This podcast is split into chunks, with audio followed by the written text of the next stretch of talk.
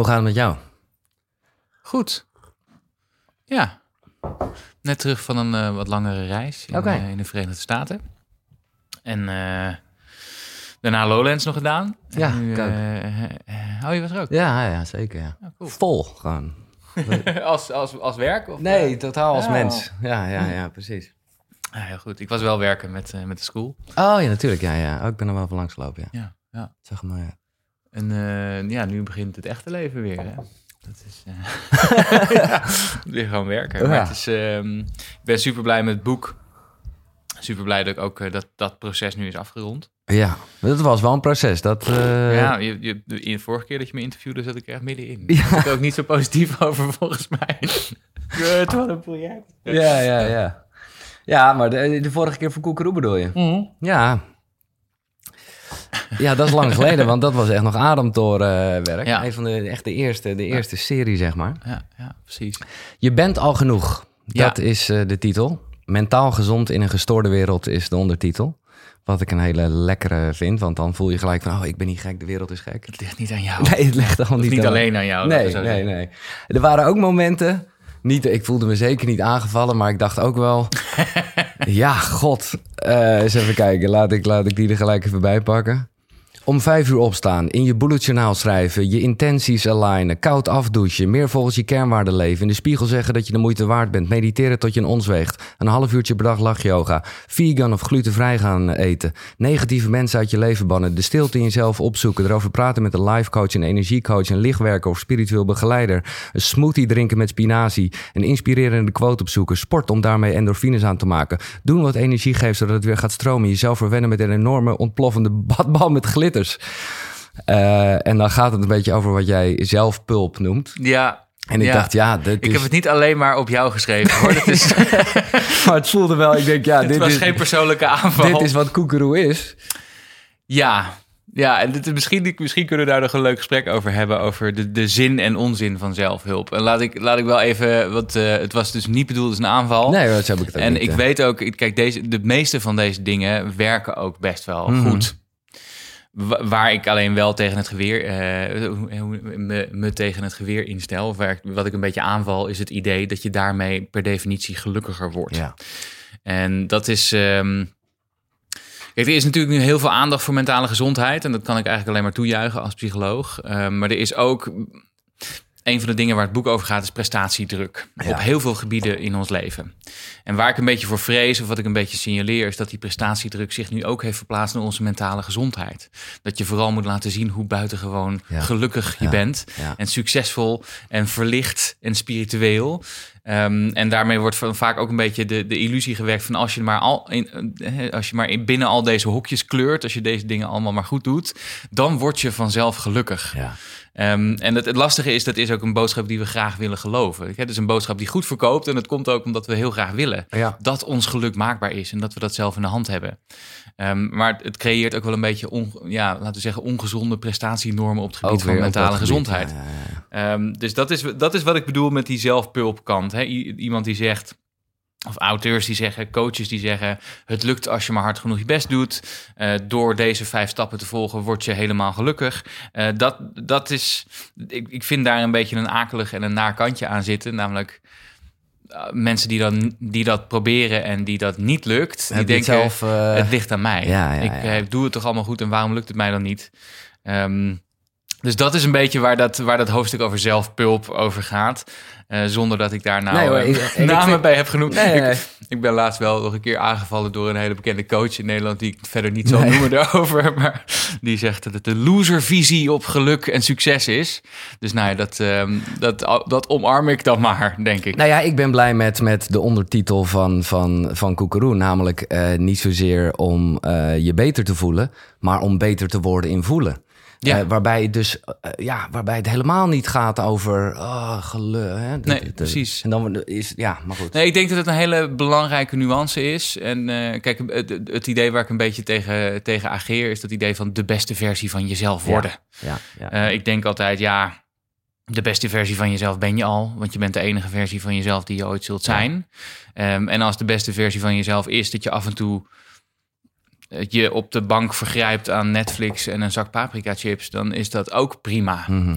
Ehm, dus uh, nou, waar, waar het boek vooral over gaat, is dat idee dat we heel snel krijgen van alles wat we zien en alles wat we zo ongeveer horen: van je bent nog niet goed genoeg. Mhm. Want je hebt nog niet dat lijf, of je hebt nog niet dat leven, of je hebt nog niet zoveel volgers, of je bent daar nog niet en je mag dus nog niet tevreden zijn met jezelf. Nee.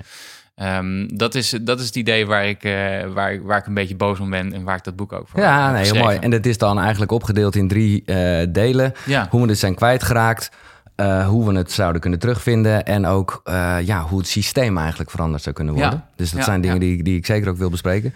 Ik had wel, um, op een gegeven moment heb je het erover dat er gewoon steeds minder clubjes zijn.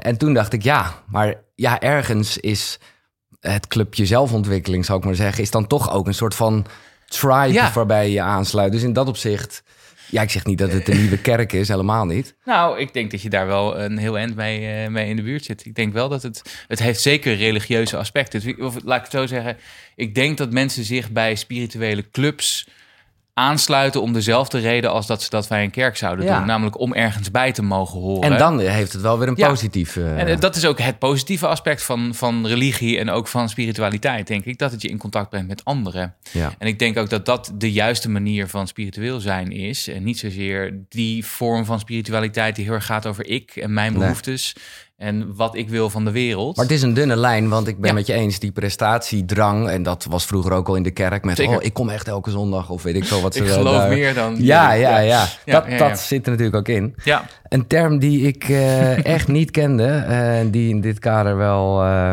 nou ja, van belang is, denk ik. dat gaat over een tribe, zeg maar. interdependent. Ja. Kan je dat uitleggen? Ja, in, de, eh, dat zit dus, uh, ja, in het Engels heb je dat heel mooi, in het Nederlands eigenlijk niet. Maar dat zit dus eigenlijk tussen onafhankelijkheid en afhankelijkheid in. Um, en ik zou zeggen, als mens eh, ben je over het algemeen hopelijk niet afhankelijk of niet te veel afhankelijk, dat je niet zonder anderen kan. Um, maar je bent ook niet, en ik, dat is het idee, volgens mij slaan we daar een beetje door. Hè, de, de pendule zwaait een beetje die kant op, dat we onafhankelijk van iedereen en alles moeten zijn. Uh, en dat het heel erg gaat over onszelf en onze positie in ons leven. Um, uh, en dat we los van anderen willen leven, omdat dat het ideaal zou zijn. Of, of, misschien met, onze, met ons kerngezin of met onze relatie en misschien een paar goede vrienden daarbuiten, maar zeker niet veel meer dan dat daarbuiten. Omdat we onafhankelijk van anderen in de wereld willen staan. Maar als mens zijn we volgens mij interdependent. Dus we zitten er een beetje tussenin. We kunnen wel los van anderen bestaan, soms, mm -hmm. maar we hebben in bepaalde opzichten toch ook anderen in ons leven nodig. Ja. Um, en ik denk, kijk, een van de grote thema's in het boek is uh, eenzaamheid. Ja. Uh, eenzaamheid enerzijds en verbinding anderzijds. Ik denk dat dat een van de grote ziektes van onze tijd is. Dat we steeds eenzamer worden, omdat we ook steeds meer um, op ons eigen eilandje ons terugtrekken. En je had het over, over clubjes, inderdaad. Hè? Dat is dus een van de dingen waar je dat aan ziet ook dat, dat we hebben bijvoorbeeld steden steeds meer zijn gaan inrichten op, uh, op snel even ergens naartoe en niet te lang blijven hangen. Nee. Uh, maar ook dat we bijvoorbeeld minder uh, lid zijn van politieke partijen, minder van verenigingen, ja. minder van buurten waar we actief in deelnemen. Uh, dus wat dat betreft gaan we ons steeds meer op, het, op onszelf richten. En dat is toch ook wel een heel eenzaam bestaan. Ja. Maar het is een beetje dat spel tussen aan de ene kant inderdaad verbinding hebben met jezelf en, en dus hopelijk ook met anderen. Ja. Maar toch ook dat autonome bewaken. Ja. Maar jij zegt daar is het misschien iets te ver naar doorgeslagen. Dat denk ik wel. Ja, in de psychologie heb je de term die, die daarvoor wordt gebruikt, is getting along versus getting ahead. En je hebt, het beide, je hebt het beide nodig. Je moet samen kunnen zijn met anderen, want daar komt je veiligheid vandaan. Maar je moet ook proberen om af en toe je nek uit te steken om net even een stapje verder te gaan. Maar um, ik heb wel, ik, ik, ik, heb de indruk dat dat niet helemaal in balans is. Dat we niet zozeer met getting along bezig zijn en dat we graag haantje de voorste willen zijn. Ja, ja, um, en dat, het, dat dat er ook wel voor zorgt dat je soms terugkijkt en denkt, waar zijn al die anderen nou? Ja, nou die eenzaamheid, ik vond dat uh, mooi om, uh, of nee mooi, ik vond het eigenlijk heel pijnlijk om te zien hoe, hoe heftig uh, dat is. Jij, jij schetst dat het eigenlijk, nou, eh, als ik het goed citeer, gelijk staat aan alcoholisme. En dat het bijna, uh, uh, nou ja, dat roken ongeveer nog slechter voor je is. Ja, dat klopt. Het is, het is een, beetje, een beetje moeilijk om daar precieze aantallen op te, uh, op te plakken. Maar dat is, komt inderdaad uit het werk van Narina Hertz, die daar een boek over heeft geschreven. Dat heet The Lonely Century. Volgens mij zegt zij, eenzaamheid is ongeveer qua gezondheidsproblemen min of meer hetzelfde als 10 sigaretten per dag roken. Ja, ja, ja, Ehm, en eh, een van de meest gezonde dingen die je voor jezelf kunt doen, zeker als je, eh, als je, als, je wat sociale vraagstukken hebt, zeg maar, ehm, is je aansluiten bij bijvoorbeeld wel zo'n clubje Ja. of bij een sportclubje dat elke week eh, bij elkaar komt. Of dat je iets doet om bij, om bij andere mensen te kunnen zijn. Want dat vergeten we nog wel eens in, in onze huidige, laten we zeggen, nadruk op het ik. En wat wil ik en waar sta ik in mijn leven? Ehm, vergeten we het wij nog wel eens. En dat wij is heel erg belangrijk voor onze mentale gezondheid. En tegelijkertijd, eh, hè, want je kan nu als je dit hoort denken... oh ja, nee, maar echt, ik heb heel veel vrienden op eh, Facebook of Instagram of wat Ja. dan ook. Jij gaat fucking, hè, dat vind ik mooi, Ja. keihard in tegen social media. Ja, ja, ja. Je legt een link die ik echt mooi vind, namelijk nou ja, dat het voor gif is sowieso. Maar ook dat, eh, nou ja, de, de, de Googles en de Facebooks van deze wereld, eh, dat die het ook gebruikers noemen. Ja, En eh, dat had ik me nooit gerealiseerd. Ja. Eh, en gebruikers, ja, dat heb je, dat eigenlijk kennen we dat alleen van drugs. ja, dus eh, dat wordt gebruikt voor social media en voor harddrugs. Ja. Ja. Algemeen. Ja, dat klopt. Eh, en ik, ik, dat is geen toeval, denk ik. Ehm, want, nou ja, zoals een van de bekende internetregels gaat of wetten gaat, als jij niet betaalt voor iets, dan ben jij zelf het product dat wordt verkocht. En dat is in dit geval ook zo, denk ik. Ehm, en we hebben gewoon te maken met. Ik was, ik, ik was dus in de Verenigde Staten, eh, hadden we het net al Ja. van tevoren kort over.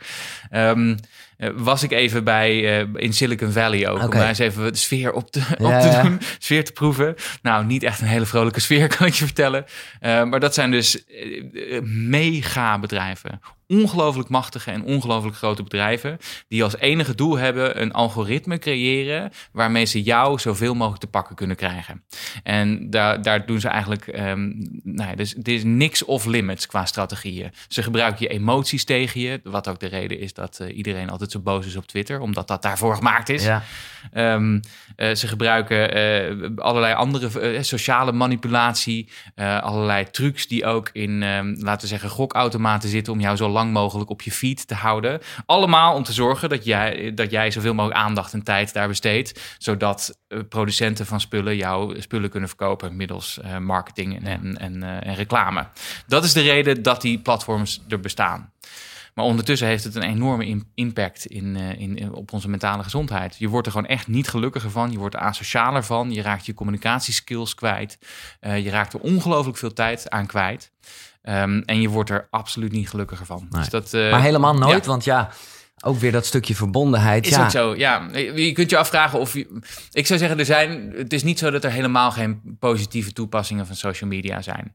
Eh, en ik noem het dan wel vergif, eh, vergif voor je hoofd. Maar je zou kunnen zeggen, ja, alcohol is ook gewoon vergif voor je lichaam. En Ja. toch drink je af en toe Ja, een biertje, zeg maar. Met Ehm, mate. ja. Met mate. ja. Ehm, al, al raken sommige mensen daar ook behoorlijk verslaafd aan natuurlijk. Ehm, maar eh, er zijn natuurlijk ook best positieve dingen hieraan. Bevo- een van die dingen is dat mensen die zich heel alleen voelen met een heel specifiek probleem, een lotgenoten kunnen vinden. Maar dan zou ik nog zeggen, gebruik dan die socials om dat te vinden en niet om al je contact op Nee. te doen. Want ik zou zeggen dat dat digitale contact dat je hebt met mensen, ook al zijn het echte mensen van vlees en bloed, is toch een slap aftreksel van echt contact met mensen hebben. Met mensen, hè, mensen in de ogen kunnen kijken. Hmm.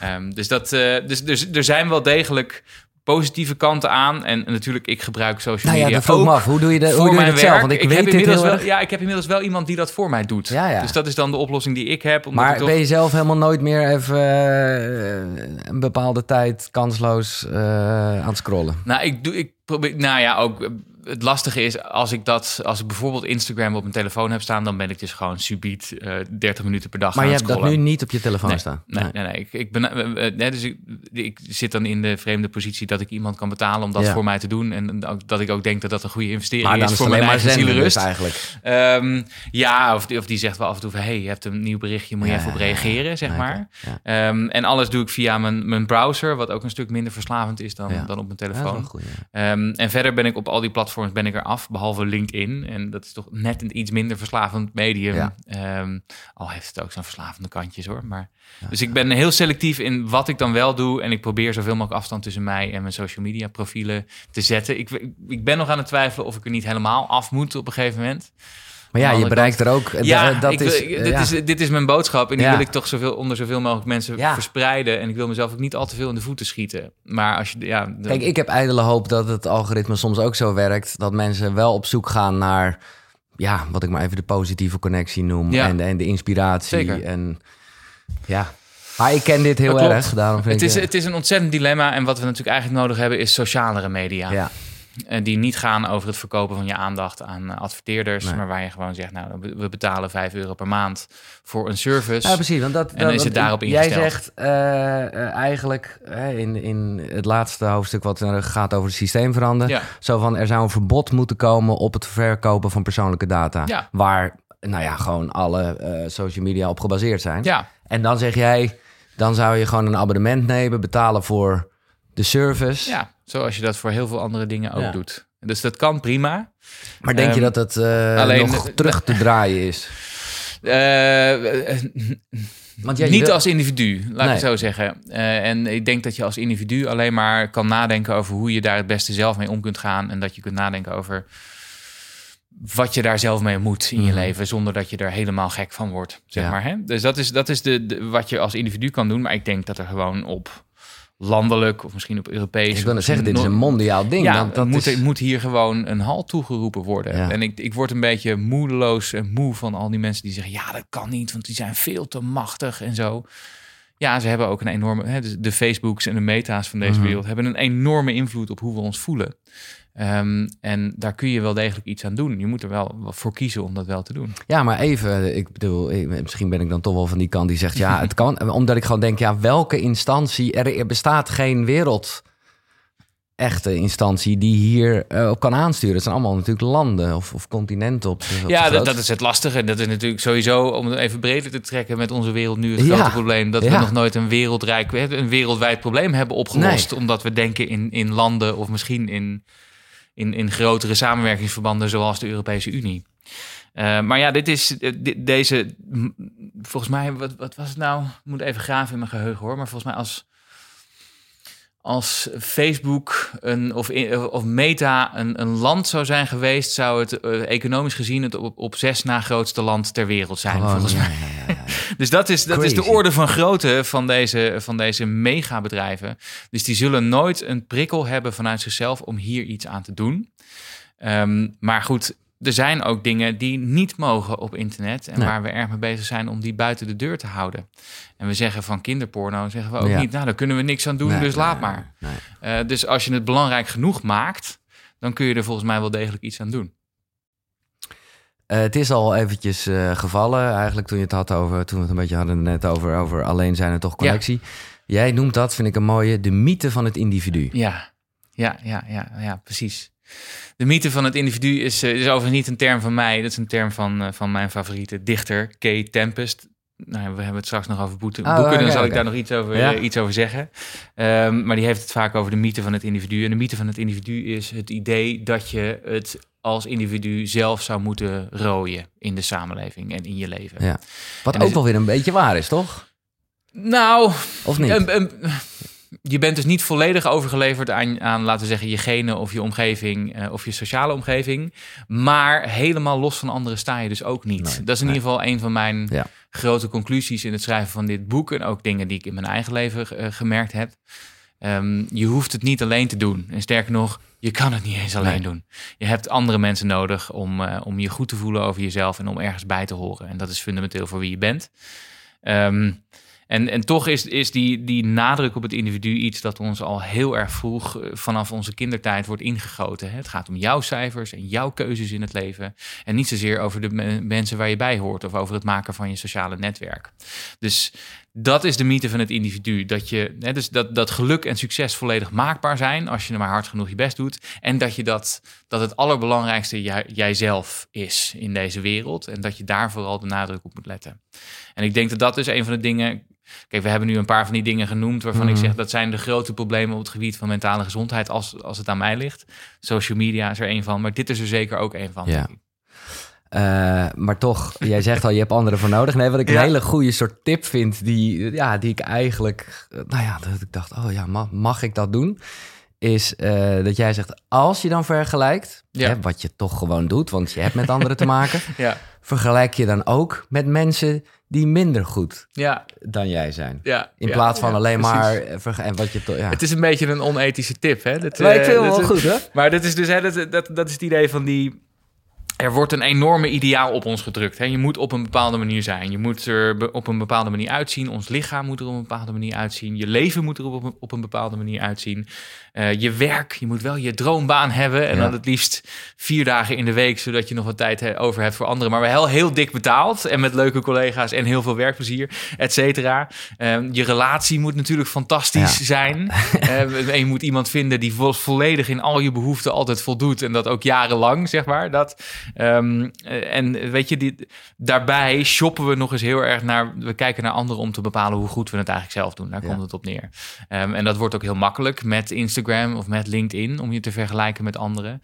Maar wat we eh, over het algemeen doen... is ons vergelijken met mensen die het beter doen over het algemeen. Hè? Dus tuss- tussen aanhalingstekens Mhm. die net even wat vaker eh, op Bali zitten om, eh, eh, om daar hun bedrijf te runnen.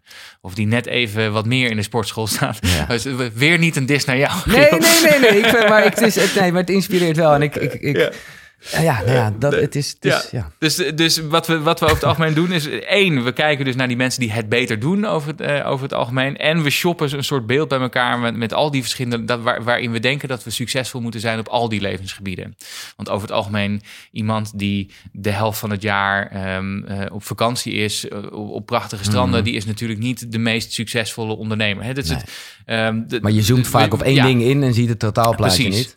Dus een van de dingen die je kunt doen is je realiseren dat je je eh, misschien wat minder hoeft te vergelijken om jezelf zeg maar eh, op waarde te kunnen schatten. Eh, of een andere is, en dat is inderdaad een iets minder ethisch, eh, ethische tip, is je vergelijken met mensen die het iets minder doen. Die misschien wel een leukere baan hebben, maar een wat, wat minder leuke relatie bijvoorbeeld. Ja. Ehm, om je te realiseren dat, nou ja, dat, dat, dat, dat je niet altijd negatief zelf uit de bus hoeft te komen in de mensen met wie je je vergelijkt. Een mooie, ik ken hem niet, eh, een mooie quote die je aanhaalt eh, van Dali. En dat is, nou ja, dat gaat eigenlijk over, hè, je, je bent al genoeg. Ja. Je hoeft niet bang te zijn voor perfectie, want dat haal je nooit. Nee, precies. Nou, dat is- vond ik wel. Ja, precies. Hoef je je ook niet zorgen over te maken.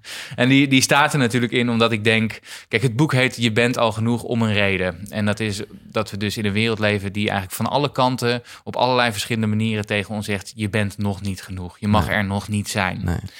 Ehm, en een van die dingen die we aangeleerd krijgen is dat we perfectie moeten bereiken voordat we tevreden kunnen zijn met onszelf. Alleen dat is gewoon natuurlijk totale nonsens. Mhm. Perfectie zie je misschien in reclamespotjes voor Ja. zorgverzekeringen of voor levensverzekeringen, maar niet in het echte leven. Dat bestaat gewoon niet. En je bent niet perfect. En je, bent, je maakt fouten als mens en je doet stomme dingen en je doet dingen waar je vijf jaar later van denkt: heb ik, oh, waarom heb ik dat Ja. nou in vredesnaam gedaan? Ehm, en je, je voldoet niet aan het plaatje eh, van het supermodel op het strand. That's fine. Dat, Ja. is, dat is wat het is om mens te zijn. Maar eigenlijk is goed wel een, beter, een goede term in deze, in plaats van beter best. Ja. Gewoon goed. Goed genoeg. Ja.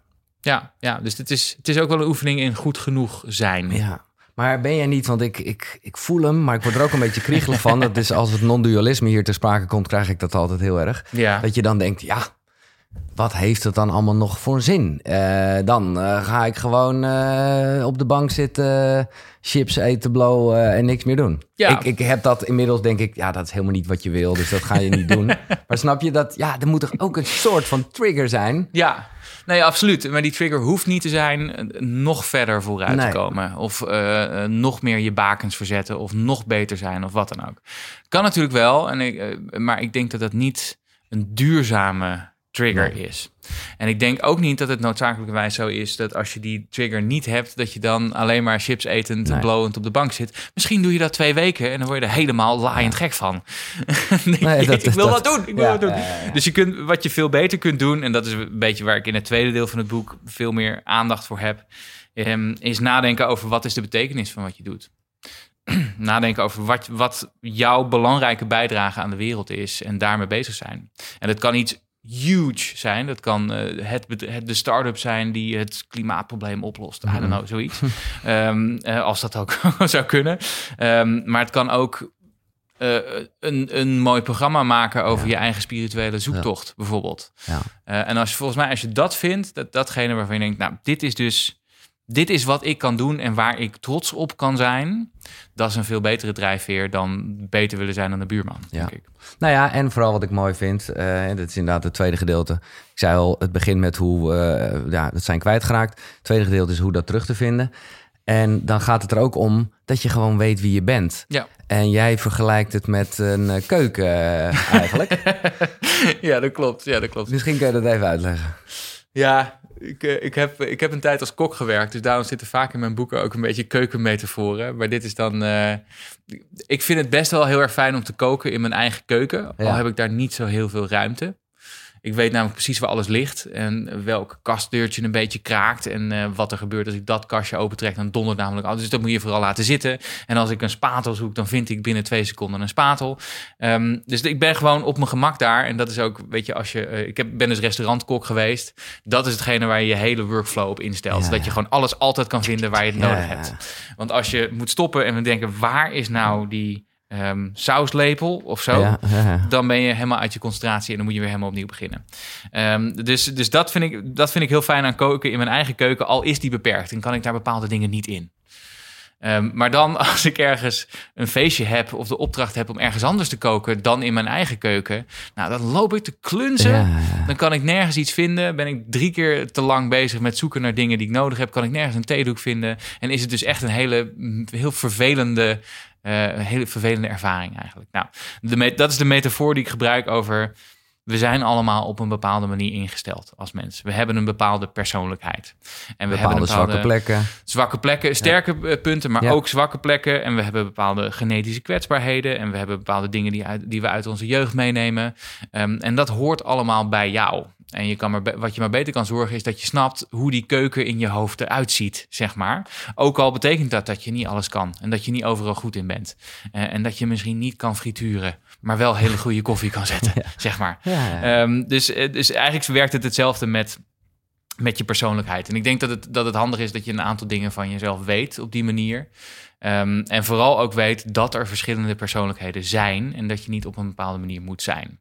Want dat is ook weer daar, weet je, die, die, die, de, de, de spiegel met de maatschappij is dat we ook daar het idee hebben dat we op een bepaalde manier altijd moeten zijn. Namelijk outgoing, extravert, altijd sociaal, altijd energie voor alles. De meeste mensen zijn gewoon zo niet. Of zijn een beetje zo, maar op heel veel opzichten niet. Dus het is handig om daar een aantal dingen over jezelf te weten. Ook als dat betekent dat je moet accepteren dat je niet zo bent als je misschien zou, zou willen zijn. En sommige mensen zijn gewoon wat neurotischer dan andere mensen. Dus die raken sneller in de stress, die raken sneller angstig, eh, die raken sneller boos of gefrustreerd. En andere mensen, die hebben dat een stuk minder. Die zijn gewoon wat blijer en wat, eh, hebben- die hebben wat minder felle eh, eh, negatieve emoties. Sommige mensen kunnen ontzettend goed op zich, voor zichzelf opkomen. Misschien eh, tot op het drammerige af, zeg maar. Die weten altijd in een onderhandeling het beste voor zichzelf eruit te slepen. En andere mensen zijn eh, voornamelijk bezig met wat willen andere mensen en hoe kan ik andere mensen gelukkig maken. Je moet wel weten waar je staat op dat soort persoonlijkheidstrekken, zou ik zeggen. Maar eh, ja, is het niet zo dat je wel kan... Hè, je kan ook proberen je, je keukenkastje te fixen. ja, ja, precies. Maar ik, ik, ik hoor jij Ja. zeggen, het leven is niet maakbaar. En ik, ik Ja. snap dat in een bepaalde essentie dingen gewoon zo zijn. Ja.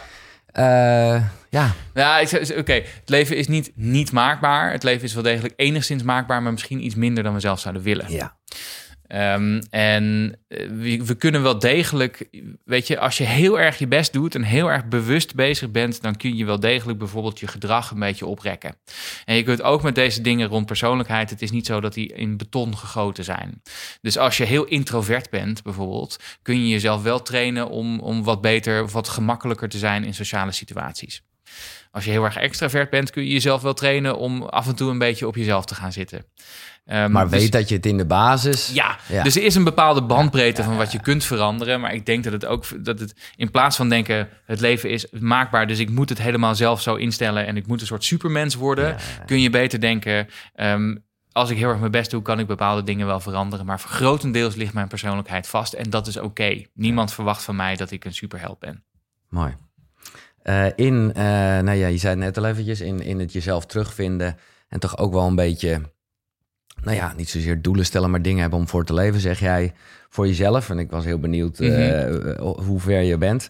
Dat je tien grote projecten eigenlijk Ja. in je leven wil. ja, ja, ja precies. Op hoeveel... en een boek is toch wel een groot project, lijkt ja, me? dit is, wel, dit is wel een groot project. Ik denk dat ik er, dat ik er vier of vijf heb gedaan. Oké, Ehm, het, idee van tien grote projecten is ook... Het is, als je kijkt naar wat je gedaan wil krijgen in je leven... heb je niet tijd om alles te Nee. doen. Dus ook weer een soort van beperking daarin Ja. zien en daar ja, oké mee ja, zijn. je Ja. hebt, eh, wat, eh, volgens mij zeg ik dat je hebt ongeveer 80.000 uur in, een, in een carrière. En dan is het ook een flink lange carrière. 80.000 uur waarin je alles doet.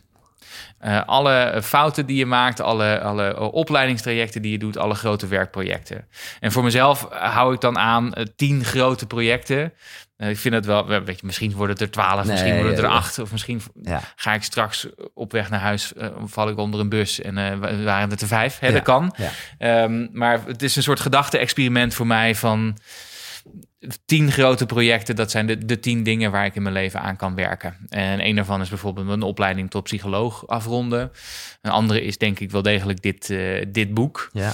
Ehm, het was ook een behoorlijk project. Je hebt me de vorige keer gesproken, dus zat ik er middenin. Het was niet altijd makkelijk. Maar was dat vertellen. omdat je ook een beetje soort klem kwam in, in, in wetenschap en onverklaarbare dingen? Ja.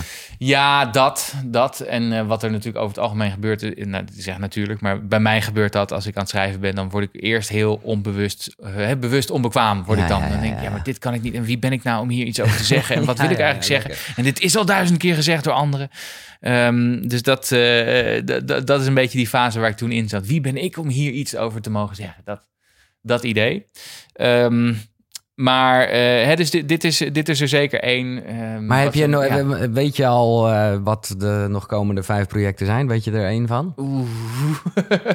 Ehm, nou, ik zou heel graag op een gegeven moment een keer een roman willen schrijven. Oké. Ja, dat zit een beetje in de familie bij mij. Dus ik denk dat het ook wel goed is als ik dat een keertje doe. En dat is wel iets waar ik. eh waar Nou ik ja, eigenlijk, schrijven eh, kan je, maar het is wel degelijk uit je comfortzone. eh, ja, nee, absoluut, absoluut. Dus dat is iets waarvan ik denk, Oh, als gaaf. ik op een gegeven moment eh, ehm, hak ik die knoop door en dan ga ik daar ook serieus tijd voor maken, want dat zou ik heel graag willen doen. Ja. Nice. Ja. Ehm, als we het hebben over missie, dan weet ik eh, dat altijd in de comments of, of als ik webinars doe, dan is het altijd, ja, je moet, je moet dat maar hebben. Je moet, of althans, je Ja. moet het maar weten, laat ik het zo zeggen. Ja. Eh, en dan kom je al snel een beetje op intuïtieachtige zaken. Een vraag die ik vaker stel tegenwoordig, ik ben Mhm. benieuwd wat jouw antwoord is. Hoe train je intuïtie? Als dat al kan. Als dat al kan, ja. Ehm, ik denk door, door, door wijs te worden. ja. nou ja, daar heb je hem. Doe, doe er je lol mee. Succes. Eh, nee, eh, ik denk dat dat... eh, mijn interpretatie van intuïtie is wijsheid... waarvan je misschien niet 1, 2, 3 kunt verklaren... waar die vandaan komt, maar die je wel hebt. Ehm, en dus ik, bijvoorbeeld de wijsheid van de ervaren eh, eh, brandweerman die dat, of vrouw die dat al 30 jaar doet.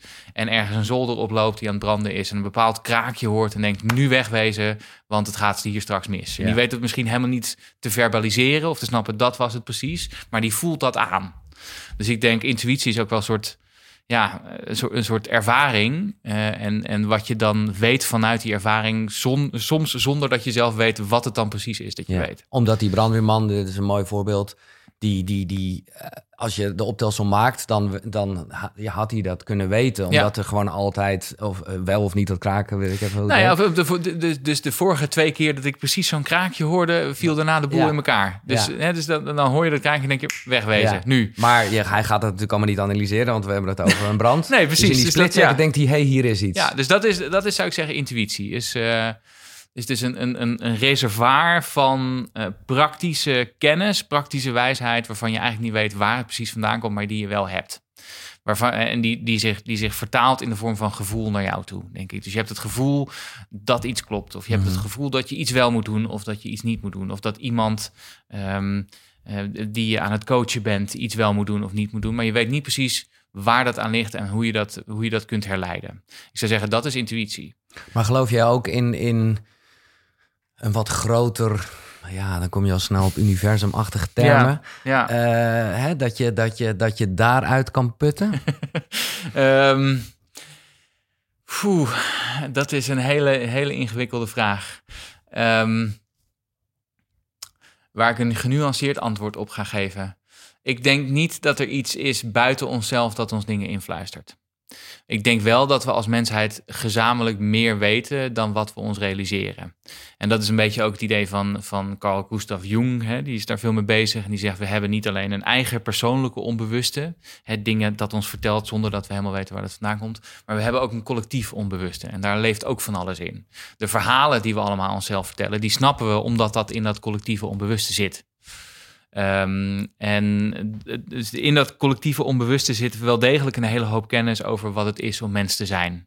En hoe dat precies werkt. Die zich misschien niet manifesteert in praktische uh, top vijf stukjes kennis, maar wel in dromen of in gevoelens die je krijgt. Of um, in, in symboliek. Hè? Dus daar komt heel veel in terug. En dat is wel degelijk, denk ik, ons reservoir van gezamenlijke kennis als mens.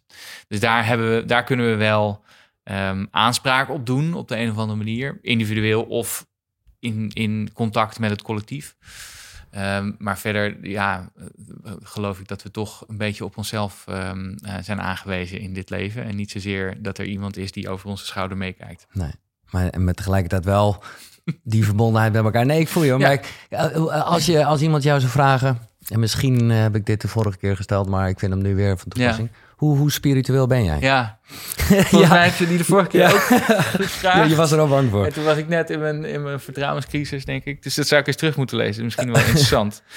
Um, Want dat ik vind, gaat hier een ik vind spiritueel vind ik gewoon een, een beetje een, een lastige term ik ben niet spiritueel als het gaat over het idee dat er een, een, een richtinggevende macht is, zoals een god of uh, engelen nee. of vorige levens of een universum die ons teruggeeft wat we erin stoppen. Uh, daar ben ik uh, wat pessimistischer over. Ik ben wel, ik geloof wel heel erg in mensen. En ik geloof heel erg dat, we, dat wij mensen meer kunnen en meer weten dan we misschien zelf weten. Of dat we toegang tot hebben. Maar dit is uh, mooi, want dit is ja. echt een beetje de Brene Brown definitie van spiritualiteit. Oké, okay, nou, die ken ik niet. Nou, dat is een beetje uh, geparafraseerd. Een, een, de, de kennis dat er uh, ja, meer is. Uh, ja, het is eigenlijk waar we het net over hadden. Vanuit ja. dat collectief. Ja. Dat dat een soort kracht geeft die we niet echt kunnen verklaren. Ja. Ja, we begrijpen, we begrijpen meer dan we misschien denken. En er zijn ook meer soorten van kennis dan alleen de breinkennis die we hebben of de hoofdkennis. Mm -hmm. um, ook wel een beetje doorverwijzen naar die, naar die boeken. Ik weet niet of Onlangs was Bessel van der Kolk bij, uh, ja. bij Zomergasten. Ja. Ja. En die heeft het natuurlijk ook over hoe bijvoorbeeld trauma zich opslaat in het lichaam. En ik denk ook dat we een hele hoop dingen weten met ons lichaam en niet alleen met ons hoofd. Um, en misschien ook wel heel veel weten met onze dromen en met onze uh, onbewuste patronen. Um, meer dan we, dan we misschien kunnen, hè, dan, dan we woorden aan kunnen geven en nu direct toegang tot hebben. Dus ik denk dat dat, me, eh, als, dat zou wel mijn definitie van mijn eigen spiritualiteit kunnen zijn. Ja, dus dan gaat het wel wat verder voorbij het hoofd, waar jij natuurlijk, ja. nou ja, uh, over het algemeen heel erg mee bezig bent Ja. met kennis en feiten en dingen. Ja, Maar er is nog iets wat, ja, in je, li- hè, je lichaam is ook een, ja, ja daar, een, van, een van de onderwerpen uit het boek is dan ook hè, voor jezelf zorgen. En Ja. het gaat heel erg over lichamelijk. Ja, het gaat heel erg over wat je eet, hoe je slaapt, eh, hoe je beweegt, ehm, of je een beetje speelt, dat soort dingen. Hè? Want hoe beter je lichamelijk voelt, hoe beter je mentaal ook voelt. Ehm, en ik denk dat veel, veel van die dingen juist eh, lichamelijk gedreven zijn en wat minder mentaal gedreven. Eh, dus dat, dat is ook een van de redenen dat een van mijn stelregels is: zor- zorg op een goede manier voor jezelf. Want dat is de enige manier waarop je, dat, waarop je jezelf in je leven kunt positioneren. Nee, ik ben blij dat eh Koekeroe gewoon toch nog door jou is goedgekeurd. nee, dat voelde ik ook wel hoor. Ehm, laten we gaan naar, want die, de, de, de, de boeken. Ja, Je noemde al Kate Tempest. ja. ja ik, heb ze, inderdaad, ik heb ze niet meegenomen. Nee, boeken. Omdat ik eerlijk moet zeggen, ik, ik er was hier naartoe. Ik woon ook in Haarlem, dus ik was hier naartoe aan het wandelen. En toen dacht ik, oh ja, er was iets. Ja, maar ik, ik twijfel nog, want ik heb jou dus al gewoon als Ja. mensen denken... oh, die Thijs, wat is het voor een figuur? Eh, Ja. luister, luister absoluut eh, aflevering 24 terug. Eh, daarin Oh, komt dat nog maar eh, 24? ja, hij Oh, was eh, echt vroeg Ja. hoor. Ja, Ehm, maar, Maar, daar, da- daar, heb ik andere boeken, volgens mij andere boeken Ja. genoemd dan wie, die ik nu ga, ga zoeken, ga opnoemen. En er is natuurlijk altijd Er zijn altijd wel boeken die ik, die ik kan aanraden, want ik hou erg van boeken. Wat ga je dan bijvoorbeeld voor, voor een boek als dit, eh, je eigen boek, je bent al genoeg. Mhm. eh, ja, ga je dan nog specifiek boek eh, lezen? Ja, Of, eh, ja oh, zeker. Er zijn een paar boeken die, die heel erg veel indruk hebben gemaakt en die heel erg ehm, bepalend zijn geweest voor dit boek ook. Kijk, ik lees natuurlijk altijd voor verschillende onderwerpen. Als ik Mhm. het over social media heb, dan kan ik daar specifiek ga ik over lezen. Of over werkstress, is dat, dat specifiek. Ja. Maar een aantal dingen die meer met de ziel van het boek te maken hebben, zeg maar. En een daarvan eh, is ehm, eigenlijk het werk van dus, nou, Kate Tempest. Ehm, eh, die, eh, en dat wordt een beetje lastig omdat je dan met andere pronouns moet gaan werken. Want zij- zij heeft veel gepubliceerd onder de naam Kate Tempest. Oh. Maar ze heet nu Kay Tempest. Oh. Of hen heet nu Kay. Hier, Ja. daar ga ik al. Ja, ja. Hen heet nu Kay Tempest. Ehm, en Kay is een, is een dichter uit Londen. Ehm, die veel eh, dichten doet, maar ook veel ehm, eh, slam poetry. Ehm, en veel hip-hop. Dus die doet en Hmm. eh, albums die je kunt luisteren, maar ook boeken.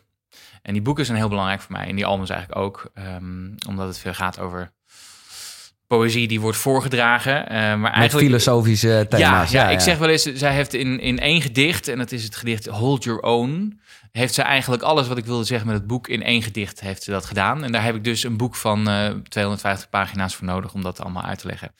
Ehm, dus zo, zij, zij vertegenwoordigt voor mij precies wat het, eh, hè, wat, wat onze generatie nodig Die heeft. mythe van het maar. individu, wat je al zei. Bijvoorbeeld, ja, ja, ja, Daar, eh, en, en over eh, wat het betekent om mensen te zijn, wat het betekent om mensen te zijn in specifiek deze wereld, waarin je toch te vechten hebt met grote maatschappelijke krachten.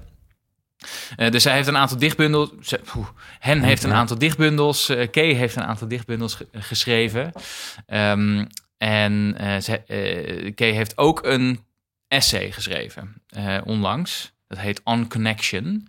Dus dat is een, een non-fictiewerk eh, over verbinding. En Hmm. verbinding met jezelf en verbinding met je werk. Ehm, en wat dat dan inhoudt, verbinding. eh, in haar, in, in, in hun optiek. Ja. ik weet niet of je dit allemaal gaat knippen. Nou, eh, nee, maar, we ehm, weten allemaal... eh, Kay, ja. Kay zal het me niet kwalijk Nee, nemen. dat als hoop dit, ik. Als, On dit hoort. Connection. On Connection, ja. En een van de dingen die Kay noemt is ehm, eigenlijk weer dingen die, zij, die, die hen ontleent uit het werk van Carl Gustav Jung, die ik net al Ja. noemde. En Jung heeft het over de ziel van de tijd en de ziel van de diepte. En Jung zegt, ja, de ziel van de tijd, daar zitten we eigenlijk meestal in. Wanneer we lijstjes maken of ons voornemen om naar een interview te gaan... of met ons werk bezig zijn of met onze doelen bezig zijn. Ehm, dat is waar we de meeste tijd spenderen over het algemeen. Maar je hebt ook nog de ziel van de diepte. En heel af en toe in je leven wordt dat eens aangezet. Als je in een ayahuasca-trip Ja, een, ja. Een, een inzicht doet Echt over heel wie erg je bent. nu eigenlijk. Of als ja. je precies dat Ja. Kunstwerk ziet, waardoor je helemaal van je, van je stuk wordt gebracht. Of wanneer je geconfronteerd hè, de- de- de- voor de zee staat en die wijsheid van het landschap ziet. Of zo. Eh, Dat soort momenten voel je de ziel van de diepte. Eh, En Kay zegt, de enige manier om tevreden te kunnen zijn of verbinding te kunnen houden met, met je werk en wat je doet, is af en toe ook verbinding maken met de ziel van de diepte. Dus het is oké dat, je, dat je regelmatig in de ziel van de tijd zit met de normale kloktijd, de normale gang van zaken. Maar je, je moet af en toe even verbinding maken met dat diepere om opnieuw te snappen waarom je doet wat je doet. En doe je dat niet, dan verwatert wat je doet en dan verschraalt wat je doet. En dan, eh, dan kom je misschien wel terecht in wat ze noemen een bullshitbaan. Hebben we het volgens mij vorige keer Ja, over ja, gehad. zeker. Ja. Ehm, eh, en je kunt ook niet de hele tijd verbonden zijn met het, met de, of de meeste mensen kunnen niet de hele tijd verbonden zijn met de, met de ziel van de diepte, want het is gewoon te diep en te zwaar en te groots. Iemand als Jung zelf, hè, dus die, die, die zat daar misschien wel in, maar dat is, dat is weinigen van ons gegund. Sterker nog, als je daar te veel mee in aanraking komt, dan word je misschien wel gek of psychotisch. Maar af en toe even verbinding maken met de ziel van de diepte is hetgene dat, dat zorgt voor je vuur en je energie achter je werk. Eh, twee vragen. Om Ja. te beginnen, eh, hoe doe jij dat zelf? Mhm. Want dit is natuurlijk een, eh, Ja. dit is misschien wel het thema. Hoe heb jij in je leven ingebouwd dat je Ja, even contact hebt met de ziel van de diepte? ja dat, daar, daar zoek ik veel ervaringen op uit. Ehm, dus ook, eh, we hebben het volgens, volgens mij vorige keer over gehad. Ik ben ook wel geïnteresseerd in psychedelica en wat Ja. die doen met je manier van denken. Vanuit een persoonlijk en vanuit ook een professioneel Mhm. perspectief. Ehm, ik neem ook wel eens bijvoorbeeld een, een, een paddenstoel ehm, eh, of een paar, een paar paddenstoelen. Don't try this at home. Don't try this, ja, precies. don't try this at home. Eh, en dat is niet, zeker niet altijd een prettige ervaring. Want ik kom Mhm. heel veel shit en moeilijke dingen tegen. Maar het, is, het zijn vaak wel waardevolle ervaringen. Maar het voelt een beetje... Ik, en ik, of ik ga... Sorry, Ja? nee, nee, Nee, ik wilde zeggen, het voelt een beetje als een shortcut die goed is, want dan weet je wel dat Mhm. het er is. Maar het zou toch lekkerder zijn, denk ik, als je op wat meer... Nou, ik zeg niet dat het niet natuurlijk ja, is, maar... dus ik zeg ook niet dat mensen dat nee. nu meteen en masse eh, hun eigen paddenstoelen, paddenstoelen moeten gaan kweken en dat moeten gaan doen. Er zijn ook andere manieren om dat te doen. Wat een van de dingen die ik heel leuk vind om te doen, is eh, in contact komen, te, komen met mensen die, die iets heel anders vertegenwoordigen dan wat ik vertegenwoordig. Dus eh, ik ben eh, onlangs begonnen bij een shiatsu-therapeut die mij allemaal andere dingen leert dan wat ik. eh, Wat is dat? vanuit Ik mijn- ken het niet.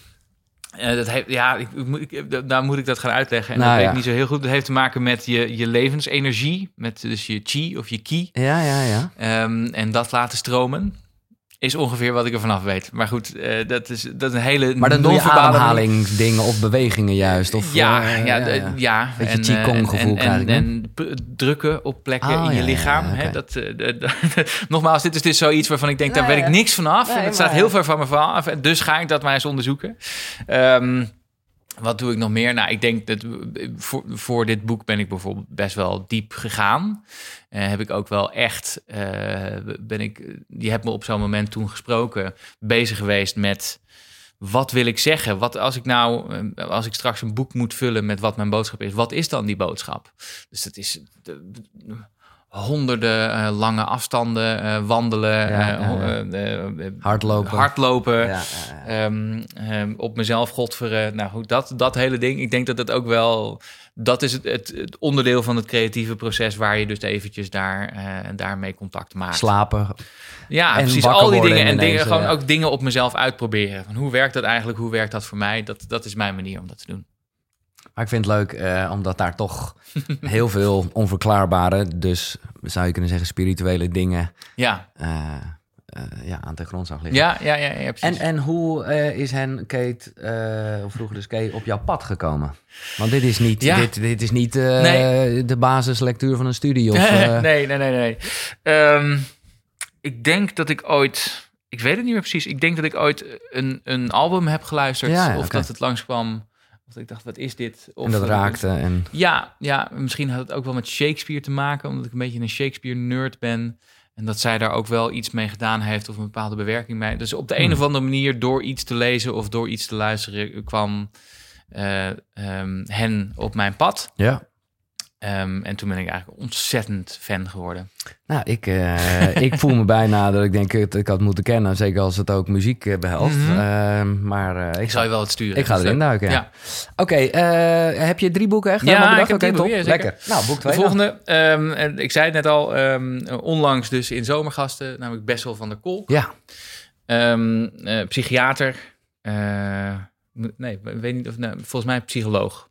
Hoogleraar Mhm. psychologie in de Verenigde Staten, aan Harvard onder andere. Hij heeft een boek geschreven dat heet The Body Keeps the Score. ja. En dat is in het Nederlands ver- eh, vertaald als traumasporen. En was dus in Zomergasten. Ik vond het een afgrijzelijk interview. Ik moet hem nog terugzien. Ja. Eh, Ehm, dus maar, maar je kunt misschien ook beter het boek lezen dan, eh, dan dat terug te luisteren. Want ik vond het echt geen goed interview. Mm. Eh, ook omdat die, die man heeft 60 jaar in Nederlands gesproken. En dan moet hij in het Nederlands worden geïnterviewd. Dat Ja, snap ik ook niet zo goed. Ehm, maar het boek, het lastige aan het boek is dat het een beetje een technisch boek is. Dus het is ook wel een boek dat bedoeld is voor, laten we zeggen, psychologen. En mensen die so- sociaal wetenschapper zijn. Maar het is ook best goed te lezen. En, ehm, eh, maar het gaat over het volgende. Ehm, hij is dus trauma-expert. Dus hij is heel erg bezig met wat is trauma. En trauma is een overweldigende ervaring, over het algemeen een overweldigende negatieve ervaring, die je niet zomaar kunt oplossen. Dus we hebben allemaal wel dat we, dat we op een vervelende manier, dat we met vervelende dingen in aanraking komen. Soms schrikken we daar heel erg van. Eh, soms zijn we daar nog twee maanden daarna heel erg mee bezig met wat het nou is. Nou, als je een trauma hebt, dan, blijft, dan is dat zo heftig dat je dat niet meer zelf kunt oplossen. En dat je daar steeds meer naar terugkeert en er zijn gevoelens die je daar die, die niet meer vanzelf weggaan. Nou, dat is trauma. Daar is hij heel erg mee bezig en ook wel een van de vooraanstaande vooraanstaande wetenschappers op dat Mhm. gebied. En ik heb altijd geleerd als, eh, binnen mijn studie psychologie dat trauma eigenlijk vooral een mentaal ding is. Het gaat over wat, je, wat er in je hoofd gebeurt. Ehm, Van der Kolk zegt, ja, zo zit het niet helemaal. Want het heeft juist ook heel erg te maken met je lichaam. Want trauma slaat zich ook op in je lichaam. Ehm, en, en hoe moet je dat zien? Nou, als je iets traumatisch meemaakt, dan is dat zo heftig dat je, als je er weer vervolgens aan terugdenkt, dat je weer in diezelfde lichamelijke staat terechtkomt. Dus je hebt dan het vecht- of vluchteffect. Ja. Je lichaam zet zich schrap en maakt zich klaar om te gaan vechten of te gaan vluchten. Ehm, dus eigenlijk zegt Van de, van de Kolk, de, hè, Bessel van de Kolk, de auteur, die zegt je moet al die dingen die te maken hebben met praattherapie voor trauma, die werken op zich wel, maar wat je eerst moet doen is zorgen dat het lichaam tot rust komt. Want pas als dat lichaam tot rust komt, dan kan, kunnen de hersens ook snappen dat het trauma niet nu gebeurt, maar in het verleden Ja. gebeurde. Ehm, dus hij eh, pleit heel erg voor juist lichamelijke eh, therapie voor mensen met wel. EFT-achtige dingen. Ik weet niet EFT, zegt. eh, EMDR is natuurlijk Ja, een hele, ja, ja, ja. hele beroemde, maar ook ehm, massagetherapie, spelen, dingen met ritme, dingen met muziek, samen zingen, samen muziek maken, theater doen. Het is eigenlijk alles dat te maken heeft met een andere manier van je lichaam gebruiken, ehm, waarmee je ook je zenuwstelsel tot rust kan brengen voordat je dat, dat mentale werk kunt doen eigenlijk. Hij, hij heeft het ook over psychedelica. Ehm, enigszins in zijn boek en ook wel volgens mij in dat interview, maar toen was ik al afgehaakt. Ehm, maar dat is ook een van die, van die, van die manieren om even je, je rationele geest te bypassen en mensen op, hun, op, het, op het gebied van hun lichaam en op het gebied van em- emoties aan te spreken. Ik eh, heb net eh, Paul Verhagen gelezen, ook een soort klassieker Oh, op dit te gebied. Welke van Paul? intimiteit. Ja, En dat Ja. gaat ook een beetje... eh, en ik geloof ook dat hij best wel van de kok ja aanhaalt. dat zijn toch een beetje dus de wederopstanding van die meer psychoanalytisch geschoolde Ja. eh, Nou psychologen. ja, wat ik er mooi aan vind, is dat het ook een, een, ja, om de term toch maar even te laten vallen, een holistisch beeld geeft. Ja. Van het is niet alleen maar de, kennis of, en het is ook niet alleen maar lichaam. Het is, nou ja, een spel eigenlijk van Ja. lichaam en geest. Ja, ja zeker. Dus dat, eh, dat, ik denk dat dat zeker voor mensen die iets met trauma hebben, professioneel of vanuit hunzelf, is dat een hele, heel Ja. belangrijk boek. Maar hebben we dat Ehm, niet allemaal? Want je, de, de- ik moest zelf altijd heel erg wennen. Eh, eh, ik vond trauma altijd Ja. heel groot klinken. Eh, maar hebben we niet, ik bedoel, inmiddels ben ik er wel zo over dat ik denk, ja, we hebben dat allemaal in meer of mindere mate. Ik denk dat, dat vrijwel iedereen wel iets licht traumatisch heeft, heeft meegemaakt. En sommige dingen ook die, die heel erg hard doorspelen. Of dat nou in je jeugd was of, in een, of, of dat je later iets, over, is, iets is overkomen. We hebben niet allemaal een posttraumatische stressstoornis. Nee, dat, dat- is natuurlijk wel het verschil. Ja. Bij sommige mensen blijft het zo lang hangen... eh, dat eigenlijk hun hele zijn daarop gebaseerd is. Maar heb jij Zeker als bijvoorbeeld... dat veel gebeurt in je, in je jeugd. Ja, want dat dat is wat Van der Kolk ook wel zegt. Van, hè, trauma, dan denken we meestal aan ehm, Groots. eh, een, een, ge- ja. een, een auto-ongeluk Ja, waar je in betrokken bent. Of een oorlogstrauma. Hè? Maar dat is vaak ook, heeft het juist te maken met een rotjeugd jeugd gehad. Hebben, hele je subtiele. bent, eh, je eigenlijk nooit veilig hebt gevoeld. Nee. Daar komt het op neer. Heb jij voor jezelf, eh, als je dat wil delen, iets waarvan je denkt, nou, dat is wel, laat ik het een werkpunt noemen. Eh, maar Qua, qua trauma's bedoel ja, je? Ehm, ik, ik, eh, ik heb, ge- laat ik het zo zeggen, ik heb nooit zo'n groot trauma dat ik, er, dat ik er echt nog wel op die manier last van heb gehad. Of dat ik iets mee heb, een situatie heb meegemaakt die zo bedreigend was dat ik daar later nog last van heb gehad. Eh, al heb ik wel ehm, ook bijvoorbeeld een auto-ongeluk meegemaakt. Eh, wat heel erg schrikken was. Dus dat was wel, dat was geen groot trauma, maar wel een mini-trauma, denk ik. Mhm. Waar ik ook nog wel echt eh, weken van, zo even van schrok, weet je wel, als ik aan dacht. Maar dat is dus juist goed. Hè? Je maakt een goed. schrikbeweging, dat is precies. Ja, nee, dat is precies wat het is. En, ja. en idealiter gaat het dus vanzelf. Hè, blijft dat heel lang nog, nog aan met dat je daarvan schrikt. En wordt het langzamerhand steeds minder. Zodat op een gegeven moment de herinner- herinnering er nog wel is, maar de emotionele onderlaag niet. Nee. Als dat niet gebeurt, dan is het tijd om, om daar hulp bij in te schakelen. Eh, maar ik denk ook wel dat we, volgens mij, je hebt ongetwijfeld Jan Geurts wel Ja, geïnterviewd hè. En, en gelezen. Absoluut, absoluut. Ehm, Ik denk dat wat, wat hij, waar hij heel goed in zijn werk naar wijst, is dat je we dus allemaal dingen hebben in onze jeugd waar we eigenlijk nog ons hele, leven eh, eh, mee aan het vechten zijn. Ja. En in mijn geval is dat ja, de, de, mm, eh, de drive van een wat gevoelig jongetje om erbij te willen horen en om er te mogen zijn. Dus nou ja, wat dat betreft is Heb je bent al genoeg eh, Ja. ook wel aan mezelf gericht. Nee, maar dat voel je ik. ook. En dat vind ik Ja. ook, dat maakt het ook heel krachtig. Dat Ja, is, eh, ja, ja.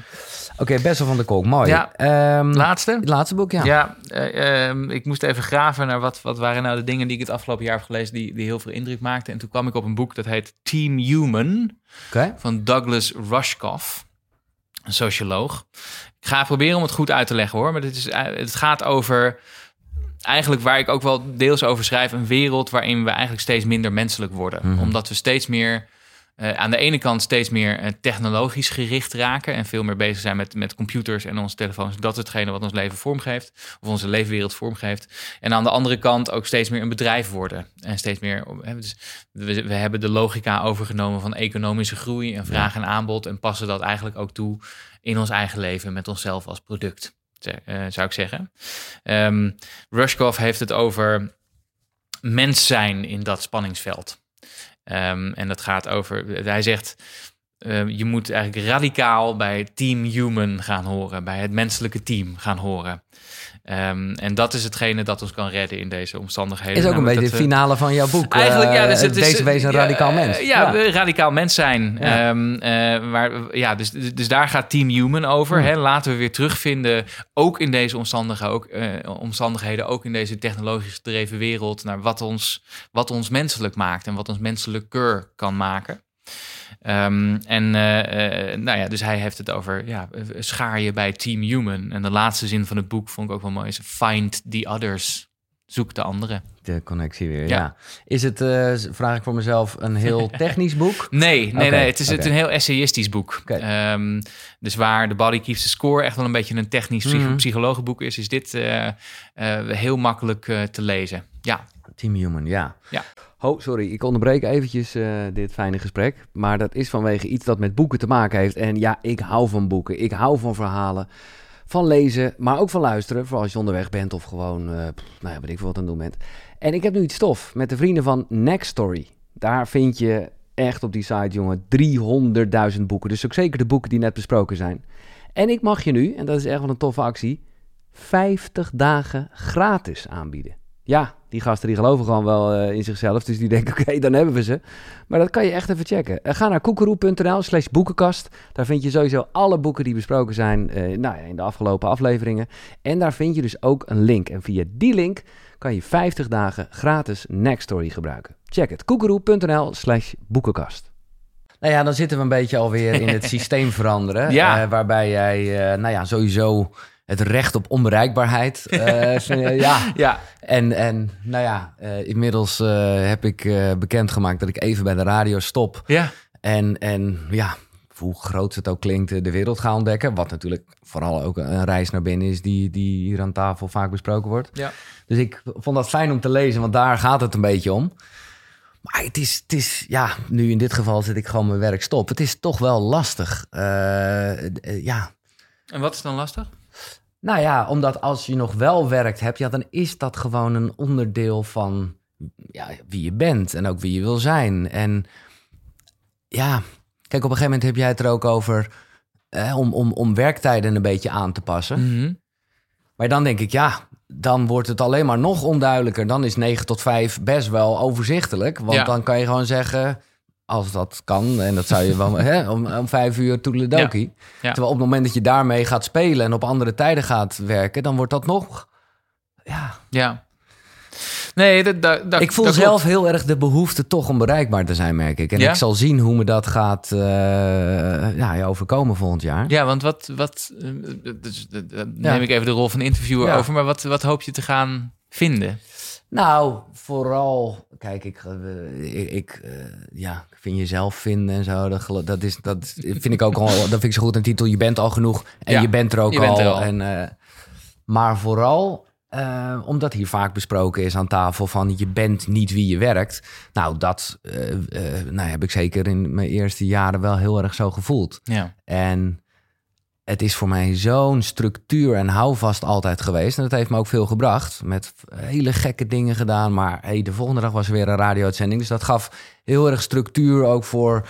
Ja, ik heb ooit het label ADD opgekregen. En eh, dan wist ik wel van... hey, dit is wel een lekker Ja. houvastje voor mij. Om dat los te laten, Oké. dat is misschien wel voor mezelf de essentie. Even los van het feit dat ik ook een ja, vrouw heb ontmoet waarmee ik gewoon vol, ja, ook voel dat, eh, ja, ja, dat- gaat ook wel best wel weer over mezelf, maar dan ook over ons. Ja, eh, ja, letterlijk het ontdekken daarvan. Ja. Ja, dus je wil in een, in een andere omgeving zijn, zodat je daar focus op kunt geven. Ja, en ik dus gewoon niet meer dat mannetje van de radio En ben. ontdekken wie je bent als werk wegvalt. Ja, ja. Ja, ja. Dus in die zin ook het recht op onbereikbaarheid. Ja. Het even onbereikbaar willen zijn. Ja, ja, ja, ja, ja. En wat, eh, wat lijkt je daar de grootste uitdaging van? Nou, ik word er kriegelig van als ik eraan denk. Eh, Want? Nou ja, het is gewoon, ik ken het niet. Eh. Dat is het gewoon het hele ding. Daarom weet ik ook wel dat het goed is, omdat ik, nou ja, hè, het oncomfortabele zoek het op, want dan weet je dat Ja. er. maar dit is wel dat ik denk, oh, oh, ja. ja, Ja, dat is natuurlijk de praktische kant. Het kun je ooit als, ook als ondernemer, hè, kun je ooit onbereikbaar zijn. Maar misschien ook wel een beetje de psychologische kant van wie ben ik als ik niet, als Ja. mensen mij niet willen bereiken. ja. Of niet meer, ja. En dat is, dat is lijkt me ook de, de hamvraag, want dat is nou juist waar je naar op zoek bent. exact. Ja, spannend. Ja, super Ja, en, spannend. en het klinkt ook een beetje, we hadden het dus net over eh, ehm, de, de, de ziel van de tijd en de ziel van de Ja. diepte. Eh, als uitvinden waarom je het ook weer doet en wat, wat daaraan van jou is. En ook even op een andere manier. Hè, dan- want in, een ander, in andere omstandigheden ben je ook een ander mens. Dat is, eh, dat, Dat- dat, is Ja. ook heel interessant. Dus erachter komen wie je bent als je niet werkt. Heb jij het ooit gedaan, een wat langere... Ja, ik heb nou. Ja, dus ik, ik ben op een soort sabbatical gegaan aan het begin van, eh, van de coronacrisis. Eh, en ik had helemaal wilde plannen van ik ga naar Bali. Maar dat en, kon dus eh, even niet? Japan en zo. Dat kon allemaal niet. Ehm, dus uiteindelijk ben ik ook samen met mijn, met mijn vrouw... ehm, eh, ben ik drie maanden weg geweest. Drie à vier maanden naar Griekenland en Portugal uiteindelijk toch ook wel gewoon gewerkt. Want toen, was er, toen heb ik eigenlijk heel veel webinars gegeven. Oké, lekker. Ehm, maar eh, dat, het, het, het, het ergens anders wonen en het er- ergens anders even kunnen zijn, al was dat maar voor een kort ogenblik, was, heeft me wel veel gebracht. ja, maar kan je, kan je dat onder woorden brengen? Eh, uit je dagelijkse routines en dan dus opnieuw gedwongen worden om na te denken over wat vind ik eigenlijk belangrijk en eh, wat, wat werkt er nou voor mij. Ehm, en ook, dat is ook, weet je, ik, ik heb nooit een jaar ben ik weg geweest, maar ik, las wel altijd een langere pauze in de zomer in waarin ik eh, even ver weg ga. Ja, ja. En dat gaat dan vaak hierover. Ja. Snappen hoe de wereld er op een, ander, op een andere plek uitziet. En ook snappen wat jouw positie binnen een andere kant van de wereld is. Ehm, Maar het moeilijke vind je- ik, en dat ga ik dus Nee, ontdekken, is dat... eh, hè, dat gaat ook over het onbereikbaar zijn, dat jij het eigenlijk hebt over meer flexibiliteit. Ja, Maar dat is dus tegelijkertijd, ja, ook de structuur loslaten. ja. Oeh, ja. ja. dat is doodeng. ja. Eh, Ja. Zeker. Ja, dus dat, eh, dat, kan ik, dat kan ik me goed voorstellen. Overigens, die dingen zeg ik over flexibiliteit en werktijden en zo. Dat eigenlijk vooral geënt op mensen die gewoon eigenlijk voor tussen 9 en 5 Ja, ja. werken. Ehm, en dan in de file heen zitten en in de file weer terug. Ehm, en misschien eigenlijk gewoon iets meer tijd zouden willen voor, voor met hun kids samen of met eh, de andere dingen die ze belangrijk vinden. Ehm, eh, ik denk als ondernemer is het sowieso, heb je, kijk je op een hele andere manier naar, naar, naar je tijd en hoe dat precies werkt. Ehm, maar ja, ik snap, ik snap het heel Ja. goed. Het is, het is doodeng om erachter. Het, het is het- ironisch genoeg tegelijkertijd hetgene dat je opzoekt en hetgene waar je bang voor bent. Nee, dat is het mooie. En, en ik heb genoeg houvast eh, als het gaat ook om koekeroe. En de Ja. dingen gaan ook door. En ik ga ook niet, ik ga ook af en toe terugkomen. Dus ik heb wel wat veiligheidje voor mezelf eh, heb je ook, ook nog buiten Koekeroe die natuurlijk doorloopt, eh, een- moment van, van een maand of meer waarin je even helemaal niet werkt? Ja, ja, ja, dat is wel het idee. Want eerst had ik het alweer bijna als een soort koekeroe wereldreis gemaakt. en toen had ik het er ook met Floor over. En dat vond ik een goed punt. Van, ja, dan wordt het gewoon dat. Dan Ja. is het gewoon, oh, over twee weken moeten we daar zijn. En, en, dus zeker in het begin, eh, ja, geen plan. Cool, Ja. spannend. Een andere, eh, ja, hè, dat, dat, dat laatste hoofdstuk vind ik wel echt mooi. Ik kan me voorstellen dat dat ook wel een beetje voelde wat je eerder zei van wie ben ik. Omdat het echt Ja. gaat over grootse dingen als het systeem veranderen. Ja. Maar ik vind het top hoor, want je geeft gewoon wel handvatten. eh nou ja, wat het al over social media.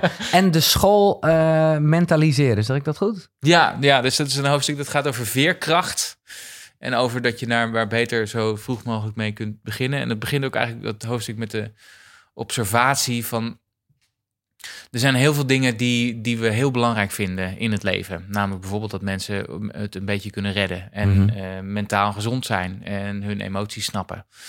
Maar gek genoeg leer je die dingen allemaal niet echt Nee. op school. Of in ieder geval niet expliciet. Ik weet dat ze op de basisschool best een hoop dingen daarmee doen hoor. Maar het is bijvoorbeeld geen, mak geen vak op de middelbare Nee. school. Je eigen emoties snappen en herkennen. Ehm, eh, dus, dus ik pleit er eigenlijk voor een vak veerkracht. Ehm, en dat gaat over, nou, ja, om het zo maar even te zeggen, een, een mentale weerstand. Dus, dus jezelf kunnen redden, ehm, jezelf kunnen snappen. eh, en ook snappen wat je emoties en zo Ja, betekenen. ja. Ehm, eh, en, en ik zou zeggen, dat, dat zouden we eigenlijk moeten instellen als vak. Het is eigenlijk heel gek dat we dat niet Super doen. gek. Ja, Maar het is ook... en een, ja, precies. En een van die dingen is dus mentaliseren, want daar had je het over. Ja. En dat, dat is, is een, een begrip uit de psychologie of de psychotherapiewereld. En dat gaat simpelweg over: snap ik wat er in mezelf en in andere mensen omgaat? Hè, ik voel me nu boos en dat komt omdat jij dit en dit en dit hebt gezegd, maar jij voelt waarschijnlijk dit. Of ehm, eh, jij zult misschien wel die gedachten ge- hebben gehad. Dus op een wat, wat voel ik, wat denk ik, wat voelt de ander, wat denkt de ander? Nou, ook in combinatie met eh, de body keeps a score. Ook Ja. van wat, wat, wat voel ik nu eigenlijk ja, letterlijk in mijn precies. lichaam. En daar, En dat is het hele ding met emotioneel wijs worden of e- emotioneel intelligent. Al heb ik ook wel mijn, mijn, mijn vraagtekens bij die specifieke term. Maar dat gaat eigenlijk hier over snappen wat je emoties betekenen. En op het moment dat je het snapt en dat je er woorden voor hebt, eh, worden die ook een stuk beter beheersbaar. Want anders, als je die niet hebt, dan word je overweldigd door wat je voelt. Dan denk je, wat voel ik nou? Ik ben, ik ben all over the place.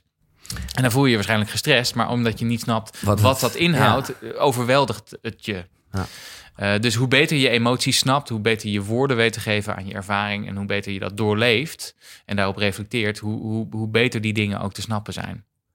Er is al wel een eh, school die eh, dit doet. Maar Oh, die, oké. eh, nou, ja, de school, oh, ja, ja, ja, precies. maar dat is- nee, dat klopt. Maar dat is voornamelijk voor volwassenen. Ja, dat- precies. Dat is, eh, de, maar- mensen die die cursus hebben gemist en dan later in hun leven dat, Ja, dat, dat nou oppakken. Dat klopt, ja. Ja, kan je, ja, voor de mensen die het niet kennen, ik vind het echt machtig mooi. En Ja, nou ja, zeker ook omdat het, eh, ja, hoe zeg je dat?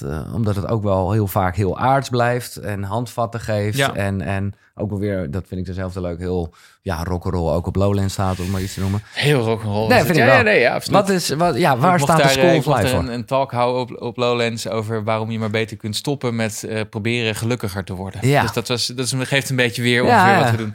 Ehm, maar de School of Life is een organisatie of een school, ehm, organisatie eh, die is begonnen in Londen.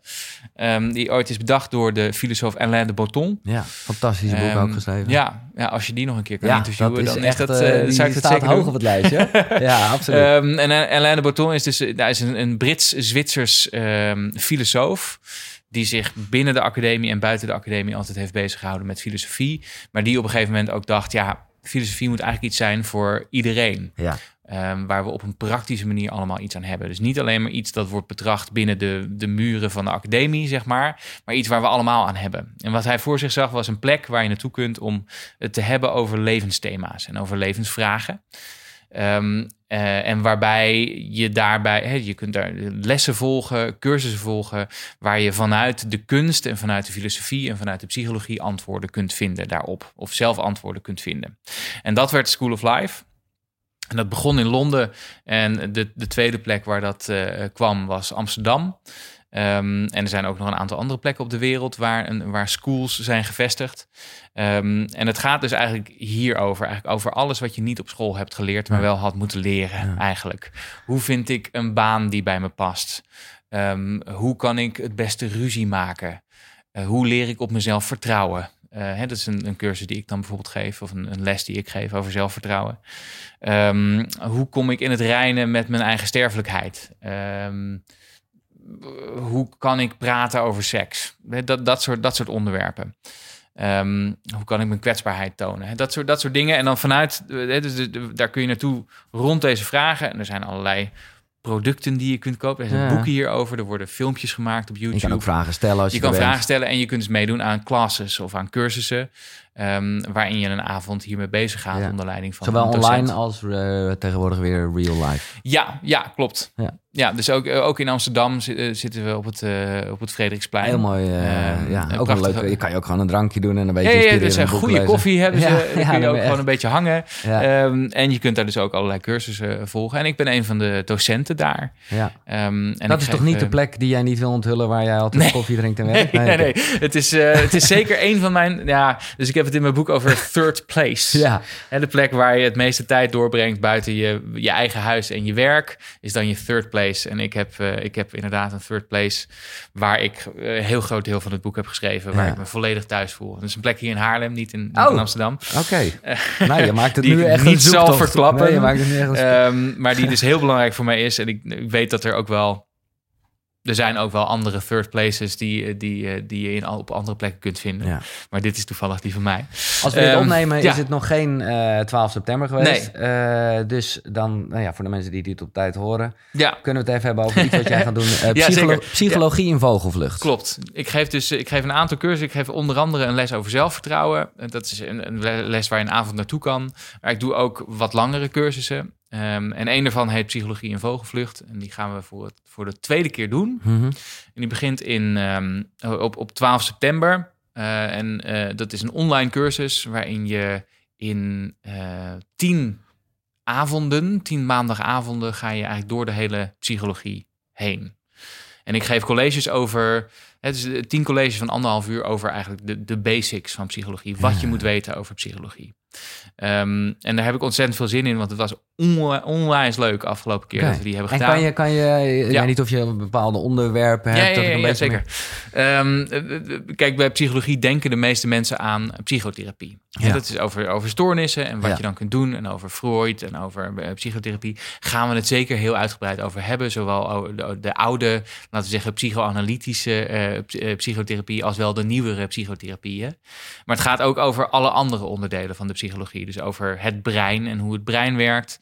Het gaat over de mens als sociaal dier... en hoe we worden beïnvloed door de sociale omstandigheden en groepen. En eigenlijk over de vraag, deugen mensen nou? Hmm. Is wel wat over te zeggen. Ja, Ehm, het gaat over ontwikkelingspsychologie. Gaan we een college hebben over hoe worden kinderen eh, volwassen mensen. En ook mentaal gezien, hoe, hoe, hoe, hoe leren we de wereld snappen. Ehm, we gaan het hebben over persoonlijkheid, waar we het net over hadden. Ja. Hè? Hoe zit je in elkaar? Hoe, wat, wat moet je en of je dat wel of niet kan veranderen. Ja, precies. Ja, ja, ja. precies. Ehm, we gaan het hebben over eh, cognitieve psychologie. Dus hoe werkt ons denken en hoe werkt onze manier van de, van de wereld snappen. We gaan het hebben over stress. We gaan het hebben over positieve psychologie. Hè? Wat weten we over geluk? Ehm, dus ontzettend veel, heel, hele veelheid aan onderwerpen. Ik ga proberen dit keer wel de colleges binnen anderhalf uur te houden. maar dat was voor vorige keer best een uitdaging. Want ik wil heel veel vertellen. En het is ook heel leuk om alle vragen te beantwoorden. Eh, maar het, is dus, het is een cursus die, die bedoeld is voor eigenlijk iedereen die altijd al een keertje psychologie had willen studeren, maar daar nooit is aan toegekomen. Of mensen die, die geïnteresseerd zijn in menselijk gedrag, over, over hoe de mensen om hen heen werken, of hoe je zelf werkt. Ehm, dat zijn de onderwerpen Vet. die we gaan doen. Ja. Ik doe sowieso een link in de beschrijving. Eh, en, en, en als ik nou op een maandagavond niet live erbij kan zijn, Ja, kan ik dan vraag. terugkijken? Je kan het zeker terugkijken. Nou, Je kan helaas dan niet meer een vraag stellen, want Nee. je kan niet terug in de tijd het college Nee, de dat vraag stellen. wel Het zou mooi zijn als dat wel is. Eh, maar je kan hem zeker ook terugkijken als je niet alle maandagavonden erbij bent. Vet. Psychologie in vogelvlucht. Ja, En je gaat ook, begreep ik, eh, van de School of Life iets doen over een werkgeluk. ja dat klopt. Dan ga ik interviewen. Dat is ook wel eens Oh, leuk. oké. Ehm, eh, en het is inderdaad een serie die gaat over werkgeluk. Eh wordt een serie in het Engels, waarin ik in vijf avonden allerlei experts interview over werkgeluk en over meer tevredenheid in je werk. Onder andere Tony Crabb van het boek Busy. Ehm, het vertaald is Nooit meer te druk in het Nederlands. Ja. Ehm, eh, een, een, iemand, een, een Deense eh, psycholoog die het heeft over gedachten en denkpatronen veranderen. Ehm, een, een slaapwetenschapper, Els van der Helm. Eh, Liz en Molly, eh, die een leuk Instagram-account hebben, die heel erg over, over zelfhulp en daarmee bezig zijn en het over emoties gaan hebben. Hmm. Eh, en iemand die het ga- eh, gaat hebben over eh, meaning, dus betekenis vinden in je werk. Ja. Ja. Dus Wanneer, eh, wanneer gaat dit spelen? Snel. Nou, oké, nou ja, de- Volgens mij beginnen we in oktober. Ja, ja, Eh, ja, oktober. nou, ik zal daarvan ook als je Het is in ieder geval dit najaar en dat wordt, dat wordt op de woensdagavonden worden dat. Dus vijf woensdagavonden. Gaan Vet man, ja, ja Koekeroe en de School of Life gaan echt mooie dingen doen. Dus Top. ik zal het ook gewoon in de nieuwsbrief en zo eh, meenemen. Heel leuk. Eén ding wat je net noemt, en daar dacht ik toch van... ja, nou goed, daar zal je het over gaan hebben, ook in psychologie in, in vogelvlucht. Dat is dat hele... Nou ja, we begonnen er ook eigenlijk mee met geluk. Ja. Hè, geluk is ervaringen min verwachtingen. Ja. Ehm, maar jij is- zegt ja. iets wat in ieder geval hierdoor... Nou ja, ik neem aan dat je die kent en ook hoog hebt zitten. Ab Oosterhuis. Dijksterhuis. Of Ab Dijkshuis, sorry, Ja. je hebt gelijk. Ehm, De andere is viroloog volgens mij. ja, nee, precies. Ik, eh, Ja, Ab Dijksterhuis, Dijksterhuis. gelukswetenschapper. Ja. ja. ja. Kijk, jij zegt... hoe meer je focust op geluk... hoe ongelukkiger je wordt. Ja. En ik weet van hem, het gesprek hier aan tafel... dat hij wel voelde... maar goed, dat is misschien ook een wat... Hè, de, de Ja. soort positieve insteek... dat hij zoiets had van ja... als je er veel mee bezig bent... ja, hij zegt... ik, ik was zo bezig met het onderwerp... ik werd automatisch gelukkiger. Omdat ik me gewoon heel bewust werd van... hoe, ja, hoe, eh, hoe geluk werkt. ja. Dus dan, Oh, dat is interessant. Ja, Oh, dan zou ik, dat zou ik hem eens moeten vragen dan. Ehm, het hangt denk ik heel erg vanaf wat je doet om gelukkiger te worden. Nou ja, kijk, het is meer hè, de, de, de basis weer van je boek. Je bent toch genoeg als Ja. het vanuit een soort desperateheid is met... oh, eh, was ik maar gelukkiger. Ja. Dan snap ik wat je bedoelt. Ja, nee, dit, dit is, ik zei net al, hè, we stonden op Lowlands ook met School of Life. En daar deed ik een praatje over Ja. waarom je maar beter kunt stoppen met proberen gelukkiger te worden. Ehm, en dat heeft een aantal redenen. Ook omdat we, denk ik, wat ons verteld wordt over geluk. Of over wat we moeten doen om geluk te bereiken, dat vaak niet automatisch werkt. Heeft Nee. dan vaak te maken met eh, tegenwoordig met eh, je intenties het universum insturen en dan hopen dat het vanzelf terugkomt. Of eh, inderdaad, hè, al die dingen die, die je net helemaal aan het begin noemde, om vijf uur opstaan, ehm, eh, heel, veel, heel veel sporten, in een ijsbad gaan zitten, al dat soort dingen.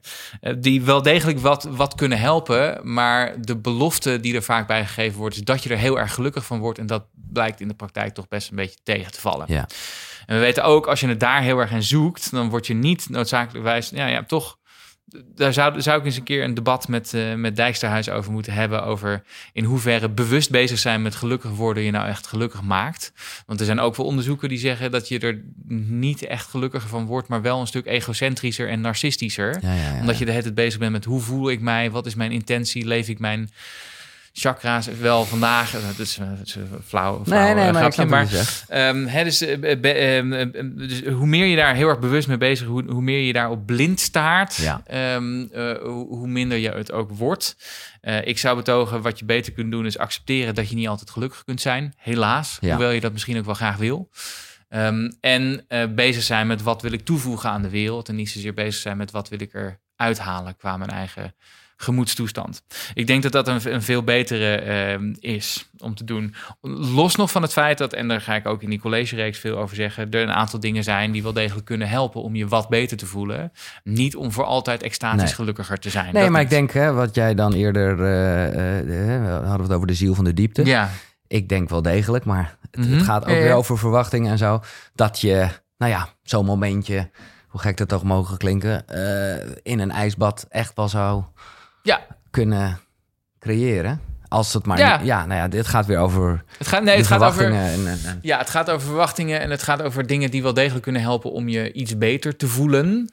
Ehm, maar kijk, waar ik me aan stoor is die belofte dat je dat geluk op te lossen valt. Ja. En dat je het dus helemaal zelf in de hand hebt. Ja. En ik denk dat dat ongelukkiger maakt dan dat het helpt. Je vergelijkt het op een gegeven moment, vind ik mooi... ik weet niet of die van jou is, met een vlinder. Ja, dat is een, een quote van eh, Louis-Henri Thoreau, de schrijver. En ik kan het niet woord voor woord uit mijn hoofd, maar die zegt iets als: geluk is een vlinder. Hoe meer je die probeert na te jagen, hoe meer die je ontsnapt. Maar eh, ga je even iets anders doen en ga je even rustig zitten, dan komt hij misschien wel zachtjes op je schouder zitten. Mooi, ja, heel erg mooi. Ehm, ik moet weer even plassen. en dan, maar ik weet niet of we dat... Ik wilde mensen toch ook wel... eh, een, een, ja, ik weet niet of je eh, bereid bent om die even met ons te delen. Een hele mooie compassieoefening die erin staat. Ah ja, is goed. Ja? Ja, is goed. top. Doen we die zo? Ja, we, we- Ja. we gaan een oefening eh, doen tot besluit, denk ik. Ja, we gaan een, we gaan een oefening doen. Ehm, een van de dingen die. hè, dus ik heb, ik heb een hoofdstuk dat gaat over op jezelf vertrouwen.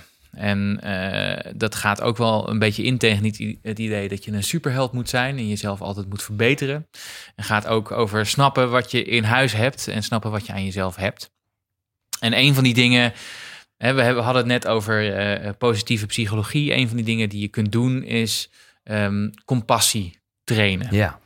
Ehm, en compassie is dus, dus eh, eh, eigenlijk het woord zegt het al, compassie, medelijden. Medelijden met anderen kunnen hebben, maar om medelijden met anderen te kunnen hebben, moet je ook medelijden met jezelf kunnen hebben. En waar gaat het over? Snappen dat je ook maar een mens bent. En eh, dat je dus fouten maakt en eh, dat je niet perfect hoeft te zijn. En dat je, ondanks dat je niet perfect bent, ook van jezelf mag houden. Ehm, simpelweg omdat je net zo'n mens bent als andere mensen. Eh, en wat je, eh, eh, compassie oefenen, ik heb dat allemaal overigens niet zelf bedacht. Ik moest daar een aantal, een aantal experts voor aan de tand voelen. Bijvoorbeeld Wouter de Jong, die je misschien Oh ja. ook wel kent. Ja, ja zeker. Ehm, Mind Gym. omdat die daar een stuk beter in zijn dan ik zelf. Dus dit, is- dit was ook weer een les voor mezelf. Wat je kunt doen om compassie te trainen. Er zijn een aantal wat, wat formalistischer hè, meta-meditaties voor. Maar mijn eigen versie is dit. Dus even gaan zitten en je ogen te sluiten. En een eh, paar keer diep in en uitademen. Nou, dat doe je vanzelf al heel hard. Ik voelde hem. Ja. En dan is je vraag stellen: hoe voel ik mij op dit moment? Wat voel ik? En dat kan van alles zijn. Het kan iets positiefs zijn. Het kan ook iets negatievers zijn. Het kan eh, blijheid zijn, vreugde, angst, boosheid, frustratie.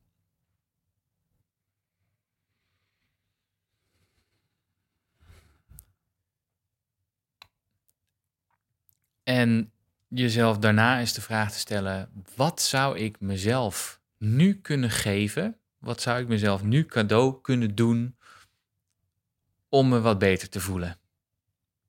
Wat zou ik mezelf kunnen geven? En ook dat kan weer van alles zijn. Kan zijn dat je voor jezelf een kop thee zou willen zetten of een uurtje vrij zou willen geven. Ehm, nou, dus de vraag: wat, wat kan ik nou mezelf geven op dit moment?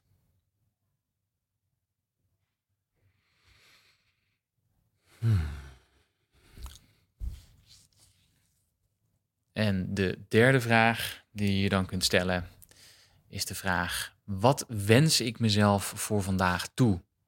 Kan ik mezelf iets positiefs toewensen vandaag?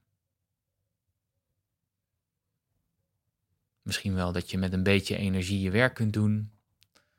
Of dat je het gewoon overleeft tot aan het einde van je werkdag. kan van alles zijn. Maar eh, wat wens je jezelf toe?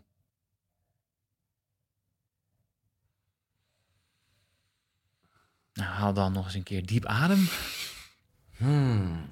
En ga dan vrolijk de rest van je dag in, Giel. Lekker. Ja, ik merk dat jij een beetje ongemakkelijk wordt van zo'n oefening doen. Ik weet het ook, want dat is... nou, dat komt omdat ik. Dit is voor, voor mijzelf ook nog best een uitdaging. Om ehm, niet alleen maar bezig te zijn met waar wil ik heen en wat zijn de doelen die ik wil even- bereiken. Maar met wat, wat, ja, wat is er nu? En ehm, nou ja, inderdaad, wordt dan. ehm, het is een oefening ook. Ja, nee, ik, ik vond het heel tof, omdat...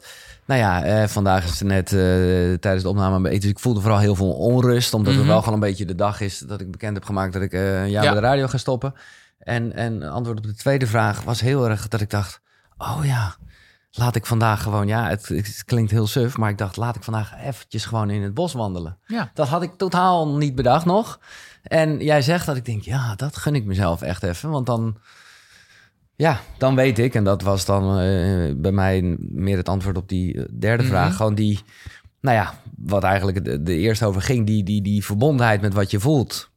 Eh, nou, dat wenste ik de rest van de dag mezelf wel toe. Ja. Ja, dus het, het, het, het, het gaat inderdaad om dat soort dingen. En die kun je. De, de oefening is dat zo eens af en toe met jezelf doen. Ja. En dat kan op momenten dat je je op zich best wel goed voelt. Of Ja. op momenten dat je echt een beetje opgefokt bent, bijvoorbeeld. Hè? Dus ik, had, ik heb Wouter geïnterviewd, Wouter de Jong. En die had het over. de- dat hij dat ook wel eens in de auto doet. Als hij in de file staat en denkt: al die mensen. Dat je dan eens even bij jezelf naar binnen gaat en denkt: ja, je bent boos, hè? Ja, ja, ja. ja. Wat kun je nou jezelf geven? Dat, eh, dus dat, ehm, Ja, Nou ja, beter worden in voelen, daar gaan we alweer. En, ja, en, dat is en het. Nou ja, dan zijn we weer helemaal rond. je bent al genoeg. Ja. Leuk, eh, Thijs. Ik, eh, eh, ik, ik zit zeker te denken en te kijken of we iets ook misschien qua gastenuitwisseling of iets met die, met die, met die werkgelukreeks Ja. kunnen doen. Dat vind ik echt wel koekeroe materiaal.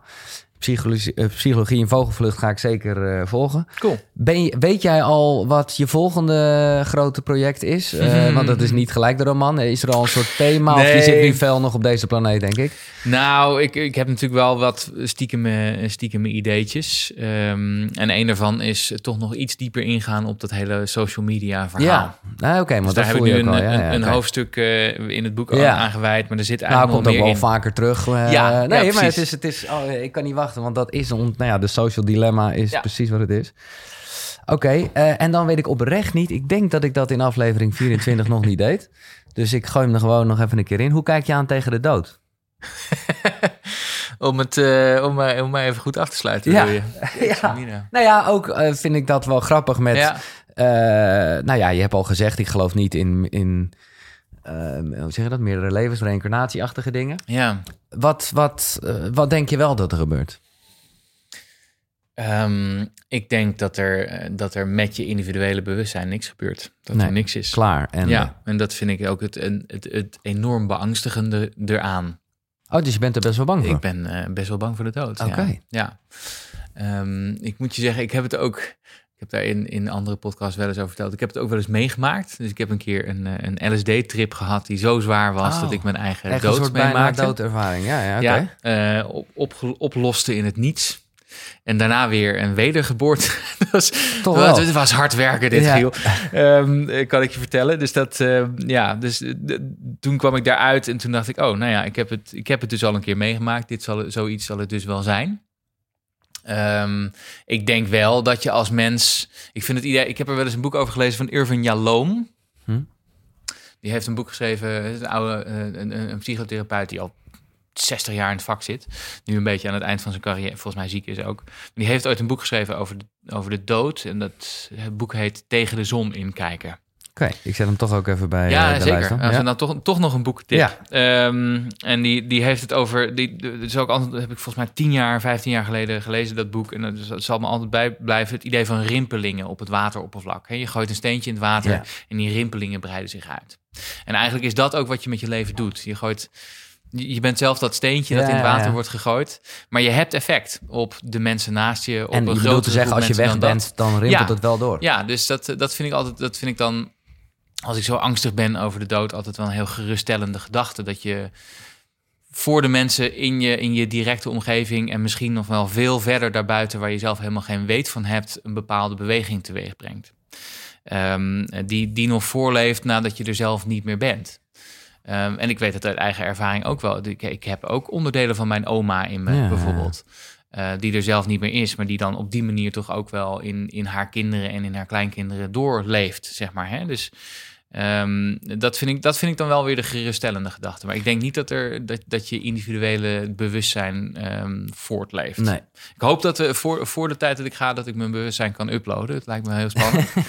Ehm, maar ik denk niet dat er automatisch iets gebeurt. Maar dan echt de laatste vraag. Eh, eh, eh, ja, hoe wil je herinnerd worden? Of eigenlijk dus in, in, in jouw woorden, ja. wat voor een rimpel zou je graag willen achterlaten?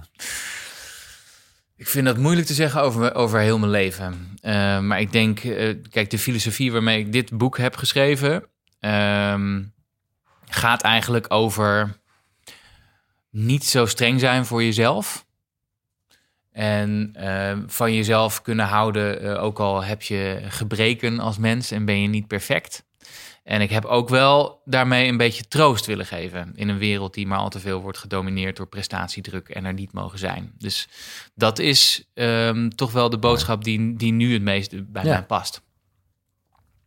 Genoeg. Eh, je bent al genoeg. Dankjewel, eh, Thijs. En eh, jij bedankt voor het luisteren. Laat vooral een recensie achter Spotify, iTunes, die dingen. Dat moet je maar even een keer uitzoeken. Ik vind het ook altijd lastig, maar het zit ook bij Spotify. En als je dit kijkt op YouTube, dan kan je een duimpje omhoog doen. Kan je reacties achterlaten. En in beide gevallen, of je luistert of kijkt, vind je dus een link in de beschrijving naar zowel de boeken die hier besproken zijn, de dingen met de School of Life. En ik zal ook een linkje zetten naar onze eerste aflevering, mocht je die niet gezien hebben. Eh, wederom een genoegen en graag tot de volgende keer thuis. Tot de volgende keer. Zonnegroet. Bye.